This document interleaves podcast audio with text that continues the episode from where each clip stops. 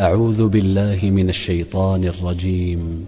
وإذ قال إبراهيم رب اجعل هذا البلد آمنا واجنبني وبني أن نعبد الأصنام. رب إنهن أضلن كثيرا من الناس فمن تبعني فإنه مني. ومن عصاني فإنك غفور رحيم. ربنا إني أسكنت من ذريتي بواد غير ذي زرع بواد غير ذي زرع عند بيتك المحرم. ربنا ليقيموا الصلاة فاجعل أفئدة من الناس تهوي إليهم وارزقهم وارزقهم من الثمرات لعلهم يشكرون. ربنا إنك تعلم ما نخفي وما نعلن.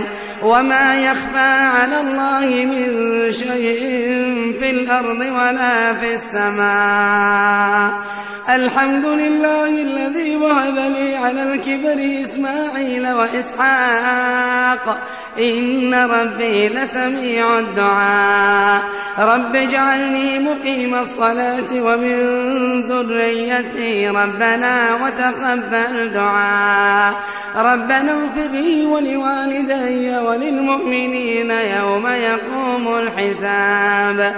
ولا تحسبن الله غافلا عما يعمل الظالمون. إنما يؤخرهم ليوم تشخص فيه الأبصار. مهطعين مقنعي رؤوسهم لا يرتد إليهم طرفهم وأفئدتهم هواء وأنذر الناس يوم يأتيهم العذاب. فيقول الذين ظلموا ربنا أخرنا إلى أجل قريب. نجب دعوتك ونتبع الرسل أولم تكونوا أقسمتم من قبل ما لكم من زوال وسكنتم في مساكن الذين ظلموا أنفسهم. وتبين لكم كيف فعلنا بهم. وضربنا لكم الأمثال. وقد مكروا مكرهم. وعند الله مكرهم. وإن كان مكرهم لتزول منه الجبال. فلا تحسبن الله مخلف وعده رسلا إن الله عزيز ذو انتقام. يوم تبدل الأرض غير الأرض والسماوات.